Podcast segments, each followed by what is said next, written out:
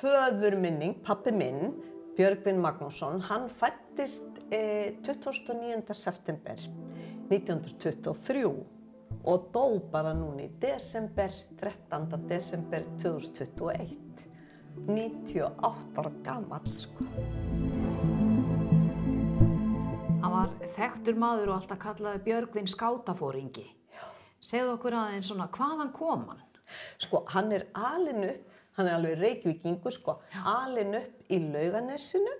E, þar var bær sem heit Kirkjuból og þar ólst hann upp hjá ömmu sinni og afa vegna að mamma stóð þegar hann var bara fjögur ára. Þá tveimu drengi, hann voru berglar, bráðdrepandi, sko, e, tveggjára dreng og fjögur ára dreng og svo bara eins og var á þessum tíma að það bara yngri drengurinn settur eitthvað í fóstur út á land og þeir hittust eiginlega ekkert fyrir þeim voru orðin fullorðni. Þetta var voða, voða, já, svona var bara skringilega að fara með fólk. Það var ekki tugað að tengslu sem við vitum núna er svona mikilvæg og merkilega. Og hann var sem sagt ólst upp og náfrændar, þeir voru sískinabötn í báðar ættir, nonni frændi, svo við kallum hann og hann kallaði hann alltaf nonna bróður af því þeir ólust þarna upp. Það var sem sagt eitt yfirgefi barnið í fjölskyldunni sem að þau þessi gamlu hjón e, e, Solveig og Magnús tóku og hérna og e, ólu upp bara þessa flottu stráka og, og hann fer, hann fer í, í sem sagt mentaskóli í Reykjavík braust þangað sko alveg hreint með harðfylgni vegna þess að hann þurfti náttúrulega bara að vinna fyrir sér. Hann, mm. hann, það voru bara efna eh, menns og konur sem gáttu sendt börni sín mm. í MR en, en Björgvin Magnússon bara vann, vaknaði fjögur og var í bakaríi og, og bara og vann eftir skóla og, og svo var hann greinlega svolítið mikið ofirkur eins og ég þó hann væri allur miklu rólegri og öðrulegs því að, að hann var lík í leiðinni var hann í skátonum og, og öllu félagslífi og, og það var ótrúlegt. Hann bar út post til þess að vinna fyrir sér og, og bara allt mögulegt. Og komst í gegnum mentaskóla þá fer hann að læra guðfræði og klárar það. En eitthvað var að hann einhvern veginn kærið sér ekki alveg um þetta eða bara fjall ekki fyrir sig eða ég veit ekki þannig að hann, hann tók aldrei vikslu í rauninni, hann bara með þetta nám og svo gerist hann er hann fenginn til þess að taka við heimaðustaskóla fyrir, fyrir, það var kallað fyrir vandraðdrengi mm. og þar er hann skólastjóri í, í einhver 25 ár. Hvar var það? Og það hétt Jafar, e, rétt hjá Elliðavatni og þar eignast hann sko í bungum drengi sem elskuðan út af lífinu alla tíð. Þetta var sem betur fer eitt af þessum heimilum þar sem var bara kærleikur og fegur. En þetta líka, þetta var ekki, þetta var ekki, þetta átti sér enga hliðstæði vegna þess að þarna komuður á mándögum og voru bara fram á förstudag í, í skólanum en gistu samt sko og þetta var eh, upp í 12 ára aldur þannig að það var heldur ekki hugað að tengslu því auðvitað eh, voru teknir frá mamma og pappa allar virka daga. En svo náttúrulega áttur voru erfið heimilisumir þannig að ég man eftir því að um helgar þegar við áttum að vera í frí og voru þá alltaf hjá ömmu minni og móðurfjölskyldunni þá var pappi alltaf með minnst kosti einn tvo sem vildi ekki og gátt ekki fara heim og fóröldrarnir fegni bara þeir voru með okkur sko. Mm. Þannig að ég átti voðalega mikið, engabarni ég, voðalega mikið af bræðurum. Já. Já, þú varst engabarn fóröldraðina. Já. Og ég bætt um betur, eignast fjögabörn og ákomundinu eru bara um það byrj 20 núna sko. Já. Rábær hópur, hann þakkaði mig fyrir á hverjum degi sko. En hva, hvar kynntist hann mömmuðinu og Og hver var hún? Það, sko, það var, uh, því hann var á veturna, var á skólastjóri á Jæðri, á sumri var á skólastjóri skátaskólans Úljósvatni og það var hans hjarta, algjörlega Úljósvatni, hann var þar, þeir, þeir uh, sáum einn elsta uh, skátaskála bara í heimi, það, hann fyrir fyrst þarna, Gilvelskálin á Úljósvatni og e, þar e, einmitt endaðan á hverju, um hverju helgi alltaf með, þeir voru alltaf að ditta að og, og passa upp á skálan og svona en hann byrjaði bara e, eitthvað, 20 og eitthvað. Þá var, tók hann fyrst við skátunum og mamma einhverja hluta vegna var hún ráðinn sem, sem í eldúsitt bara e, ung kona þá líka og sagan segir sko Eh, mamma sagði mig þá sögu að hann að þóttum um óskaplega flotta fætur Björgvin, enda hlaupari líka og hljóp fram og tilbaka svona, þess að hún var í eldursklugan bara. Sér það er flott. Á stuttusum Já, hún fjall fyrir Hvað hétt hún? Margrét Kristinsdóttir Greta, já, hún, hún dó 2013 Já. En sem sagt, hann, hann var svona virkur skáti alla tíð. Ótrúlega öflugur skáti. Og það, það sem var svo dásald var að hann, eh, hann var í klíku, að strákarnir í klíkun og stelpunar og samaldur hann, þá voru þau sem stopniðu skátafélag í mentaskóla og svo klíka held alltaf saman, sko, alveg bara og hittist mjög reglulega. Og svo var hann, eh, sko við köllum hann alltaf skáta höfðingjan því að hann er í rauninni sá eini, hann kærði sig ekki um svo leiðis hún fannst eitthvað bara hljóta að vera svo leiðild að vera, vera í þessu hefðbunda skátahöfðingja starfi, margbeðin og kvattur til þess og nei, nei, hann, það vildi hann ekki sko. En hann var samt einhvern veginn bara þessi eini sanni skátahöfðingi. Svo var hann með það sem að kallast skátaháskóli í ymmita úljusatni líka, það var alltaf á höstin eftir sumarstarfið og þar ólan upp gilvelskáta sem satt e, e, þetta var svona háskóla e, e, hérna, útskriftin í skátunum en samt var sko hann var alltaf á því og það var svo fallegt hann var svo trú skáta hugssjónin að þetta væri ævintýri Já. að þetta væri fólk er að uppgöta það er náttúrulega náttúran og það er sköpun og það er bræðralag mm. þetta að vera góð, góð eh, sko að vera góð, góð hvert við annað mm. en náttúrulega þó hann væri með stráka skátaskóla þá var svo hvern skátaskóli bara í, í, í, hérna, í sömu sveit þarna úljósatni og hann e, sagt, hann lifði svo ofbóðsleftur og hann lagði svo miklu áherslu og hann var alltaf að ávarpa hann elskaði að tala við ung fólk. Og það ofsalega skemmtilegt vegna þess að þegar hann var jarðaður sko, þá var hann búinn að skipulegja jarðaföruna sína í smáatrið. Það mynd af kirkjunum er sér hver þetta standa hver, vegna þess að hann var oddfélói líka. Og, og það er svona e, eitthvað ritual sem að hann, vildi aðeins hafa það öðruvísi sko. Og hver er þetta standa heiðsförð þar. Og þetta var svo fallet og við fengum þetta við sem að vorum ég kalla á bræður mín að skáta eh, hérna, bestu drengina hans sem var á mínum aldri sko.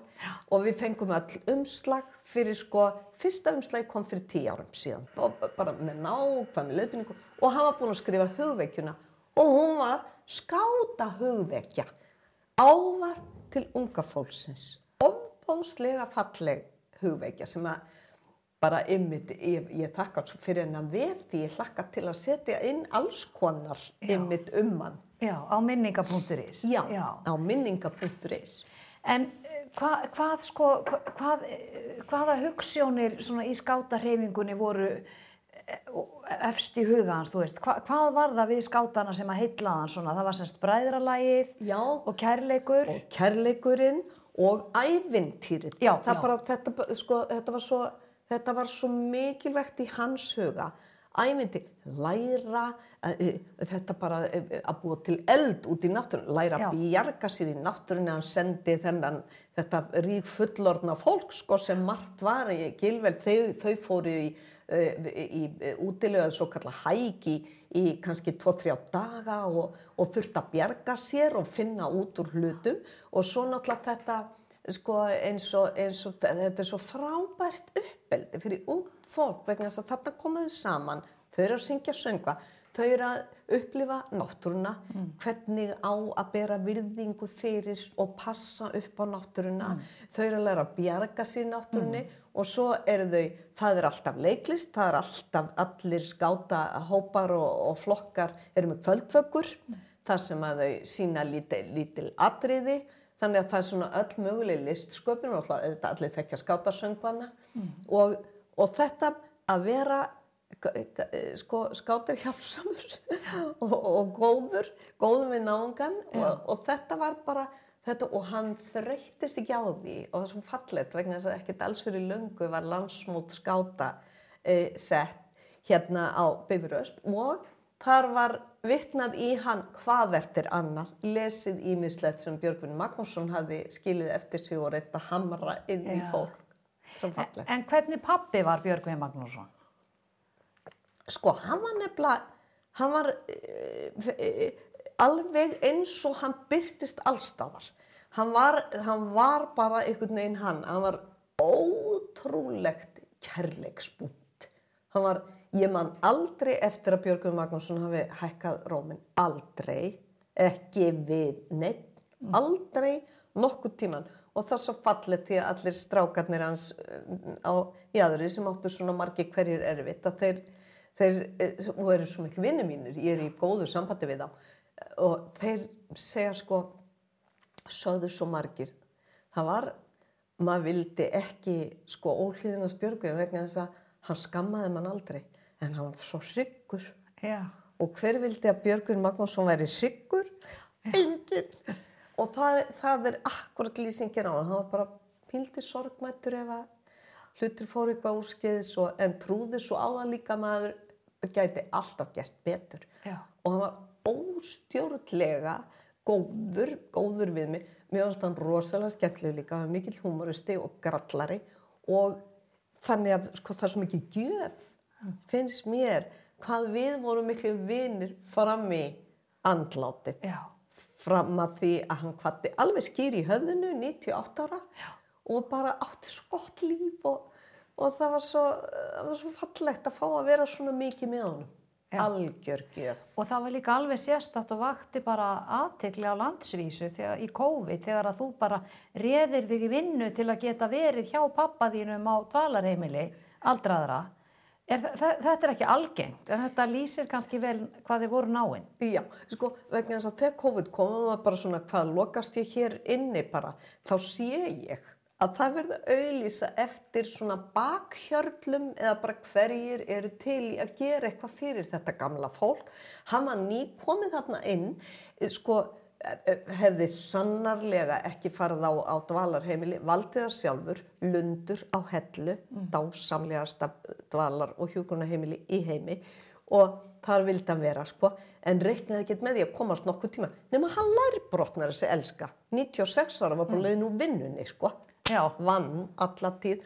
Og þá var gleði fréttina voru þær að því hann sá alltaf posti nú fæ ég að fara á lund. Já.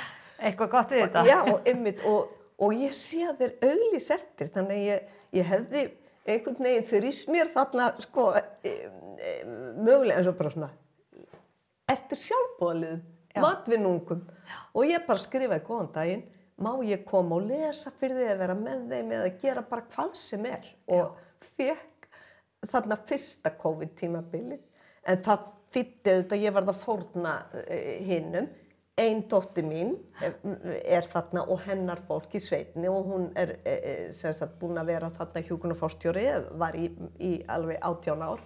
Og, og ég hérna e, við sem sagt fæ bara að vera þarna að gera allt mögulegt sko. Og þarna út á landi að þá það er ekki það, það bara ættingjarnir koma og hjálpa til að gera við og svona það er alltaf verið að spara og skera niður þannig að að þarna var bara fjölskyldan og ég bæsaði pallin til dæmis, risa pall og, og svo verið bara að fá að vera með þeim og, og lesa fyrir þau og hjálpa og lappa úti og hjálpa þeim sem vildu sko. En hvernig leið honum að vera gamall, þú veist, maður sem var vanur að hlaupa mikið með sína fallegu fótleggi og vera alltaf svona virkur og aktífur, að vera síðan orðin gamall og vera á dvalarheimili með eldra fólki, hvernig átti það við hann? Það er svo undarlegt meðan pappa minn, hvað hann sko, hvað hann sá alltaf, það var ekki bara að, að hann sá sko björtu hliðarnar á kannski erfiðu ástandi heldur bara að þetta gati ekki verið betra. Sæliska minn, ef ég verð ekki hjá honum sem ég var, alveg Já. fór mörgusum í viku, að þá bara svona, sælelskan mín, hvað, hvernig hefur það bæð minn? veistu að ég gæti ekki haft það betra. Og þetta var svo frá hjartan. Ég gæti ekki haft það betra. Eh, sko, eins og í umönnun aldraðra, sérstaklega út á landi, þá er svo, það velst svo fallegt fólk. Það velst einhvern veginn fallegasta fólki til að vinna þarna. Og það var svo gama hjá hann og þær elskuða hann alltaf út af lífinu. Og hann þær og það var alltaf stuð og alltaf gaman og svo var hann alltaf á leiðinni sko af því að hann, hann e, sannarlega alltaf þetta er ótrúlega falleg herbergin þarna eru bara svítur og bara í nýjustu álmunni. Og svo heppina COVID gerði það verkum að hann varða að færa sig úr herbyggi sem hann var verið að gera upp og það var ekkert í bóði annað bara út af sótvarnarreglum að hann þurfti að fara inn á, á sagt, nýju álmuna. Og svo þakkláttur og, og þótti og hann var svo heppin og hann var alltaf að skrautir þetta fram á síðustu mínútu. Var hann að skrautir þetta og var með stór skrippborð og, og bóðslega fallegt allt í kringum hann og allt svo. Hann var sko, hann var svona yndislega þetta fættu 23 ef maður talaði um eitthvað svona kannski óþægilega erfiða hluti að einhver væri kannski eftir við áfengisvandamlega þá, þá við leikum hann all þá gerði hann svona. Og þurkar ósynleitt svona borðinu ekkert að ræða neitt og já, já, elskar það og, og, og það var svona blístrari þannig að maður vissi alltaf hvað hann var blístrari eitthvað lagleysur og það var svona fallegt alltaf og hann var svo gladur og hann mikið sem var og þakklátur En hann vildi semst ekki ræða neitt óþægilegt? Nei, ekki svo mikið Nei. sko En nú, nú er, er mikið verið að tala um sko kvíða og alls konar. Já. Hann hefði ekki verið alveg þar. Hvað er, heldur þetta að verið gott fyrir hann? Er, er þetta góður eiginleiki að bara blístra og, og sópa burti vandamálunum? Sko, í náttúrulega ofsalega mörgum tilfellum þá er þetta náttúrulega bara hræðileg föllun eh, hjá þessari kynslu og næst og eftir líka að geta ekki rætt eðlilega og opið um það sem að, að bara við erum að glýma við svo margt og hérna og, og sko samt ég gæti alltaf rætt við hann um allt sem mér lág á hjarta og svo framvegis. En hann kannski var ekkert að ræða um ef að vinir að sátt í erfileikum í, í hjónabandinu eða, eða áfengi eða, e, eða eitthvað svoleiði sko eða lendi í ykkur að þá var það ekkert uh, uh, uh, hann rætti það ekki sko ef maður innbráði þá var bara svona. En svo uh, var hann bara þessi sálusorgari líka. Það var hans einsta eðli og það var alltaf einhvern veginn og, og að hann vissi hvað þær gerðu allar litlu stúlkurnar sem voru að sinna honum að fara í já, já, já, nú er Telma, hún er búin að sækja um hjúgrun Já. og bara næstu frétt veru, hún komst inn Hann kunna hlusta. hann, alltaf. Og fylgdist með þeim öllum. Já. fyrir utan að skrifa í fermingabækur hjá öllum og skýrnabækur og hjá, hjá öllu starfsfólkin og þeirra ertingjum en, en hann sko ef að em, sko aðrar manneskjur sem að kannski byrja inni einhvern eh, hrylling að sko þær enda náttúrulega bara með því að veikjast illa en einhvern veginn var hann tók þetta, þetta var, hann var svona æðruleysið uppmálað þannig að allt sem að kom upp að hann tók einhvern veginn og vann svo fallega með það Hvernig held að þetta er mikil gæfa að vera svona gerður og, og ná að hafa svona góð áhrif í kringu sig. Hvernig heldur, er þetta bara meðfætt hjá honum þessi, þessi lífsgleði, kærleikur og æðruleysi eða hve- hvernig varð hann svona heldur þið? Sko, ég, ég um, um, um, um, svona með við bara rannsóknir í ákvæð sjálfræðinni, Já. þá er, sko, það er 50% af svona eiginleik, persónu eiginleikum, er í genunum. Þannig að þetta einhvern veginn að sjá alltaf glasi hálf fullt, það var ekki, það flóði úr því alltaf hjá Björgum Magnúsinni, það er svo fullt, sko, svo mikið af, af eh, gleði og, og ba- bara jákvæðni. Og einhvern veginn, sko, eh, bæði það að hann er, og, og þarf að hafa fyrir lífinu en á en er elskaður. Þegar, Já. ég held að það Já. skipti Já. öllu máli. Og hann fer með ást ömmu sinni og afa út í lífið. Já. og það, sko, hann fyrir að hafa fyrir því, það gerði hann bara með og, og, og svo deyr af hans þegar hann er 12 ára og þá er hann farin að, að sjá um að heia og, og, og hugsa um dýrin líka sko og einhvern veginn fannst þetta bara eðljast í heimi að gera þetta auðvitað fyrir ömmu sína sko. Og, og svo rektar hann þetta. Svo bara tekur hann alvarlega til dæmis hérna skátalögin. Hann tekur alvarlega allt sem hann lærir í guðfræðinni. Og þetta er bara þetta er genetíst og svo bara að rækta. Hafa leiðarljósi, njá hann talaði aldrei illa um fólk.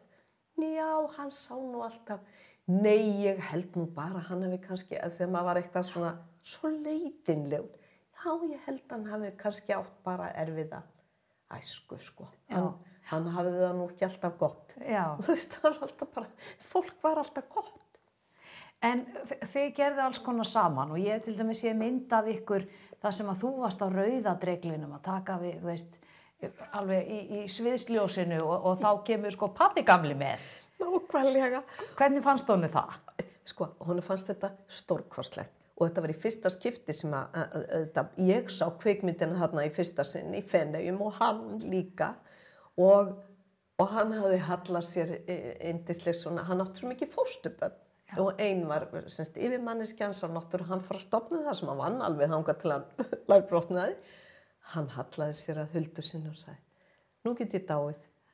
Þegar við þurstum upp í gala fötunum okkar og tókum við klappinu og bara honum hans þetta það, hann þurfti ekki meir sko. Þetta var svo stórgóðslegt og ég einhvern veginn var bara það, ég, á meðan að mamma lifði að þá, e, þá tók ég tóku þau bara svo mikið með eins og ég mögulega gat sko. Mamma var með sér hjá mér á Bimrus þegar ég var í menningarstjórnun. Þá bara svona æ, ég vil ekki koma og dvelja hjá mér og Taka mömmu sína með í skólan og já, og, og pappa sín með á rauðadreglin. nákvæmlega og, og bara allt og hann var alltaf, við vorum alltaf að gera eitthvað því hann var til í allt. Bara eigum að fara á kaffihús, já alveg komin heim eftir vinnudag. Hvað segir um að hittast og fá okkur snall ekki spurning, kerði bara úr grafavoginum sko. Já, já, já, já, já, hann kerði fram á síðasta dag sko. Og svo bara þetta, hann var alltaf á leiðinu hann var alltaf að lýsa bara hvernig eh, hvað, eh, þessi stórkostlega skurðlæknir hafði framir heimlega kraftaverk og bara, og hann var alltaf að æfa sig sko. Já, Já, já, að því að hann sagði bara, ég nei, ég, ég, ég endaði þetta bara með stað, en það er allt í lagi, það er virðulegt. Já. Þannig að hann stemdi að því alla tíð og alltaf að æfa svo alltaf að enda með stað, sko. en hver svona myndur segja væri arfleiðans? Svona, hvað skilur Björgvin Magnússon eftir sig í, hjá okkur? Sko, e, e, e, fyrir utan bara fjölskylduna sem allir elskuðan og fannst ofbóðslega gaman, alveg smæstu einingar vildu vera hjá Björgvin. Elsku pappi bara var alltaf með fullt fangið af börnum.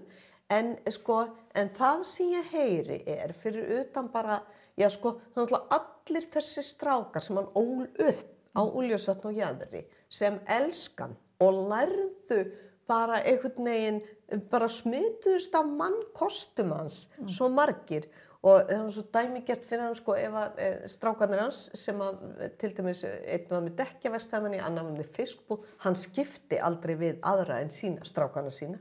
Já, já, nei, nei, nei, nei, ég bara kerði langa leiðir þess að skiptum dekk sko hjá Jenna og, og kefti fiski og bara, það, það var alveg sama hvað. Það, nei, það er mannst eftir honu Rúnar, svo mundan öll nöfn einhvern veginn. Á strákunum á jæðri, og hvað, þeir, hvað þeim sem vegnaði vel því sumir blómstruðu og aðrir auðvitað fóru ver eins og bara fengu ekki þessa næringu kannski heima fyrir sem að hann fekk sko, kærleikan sem skiptir öllu máli, kærleikur og, og tengsl.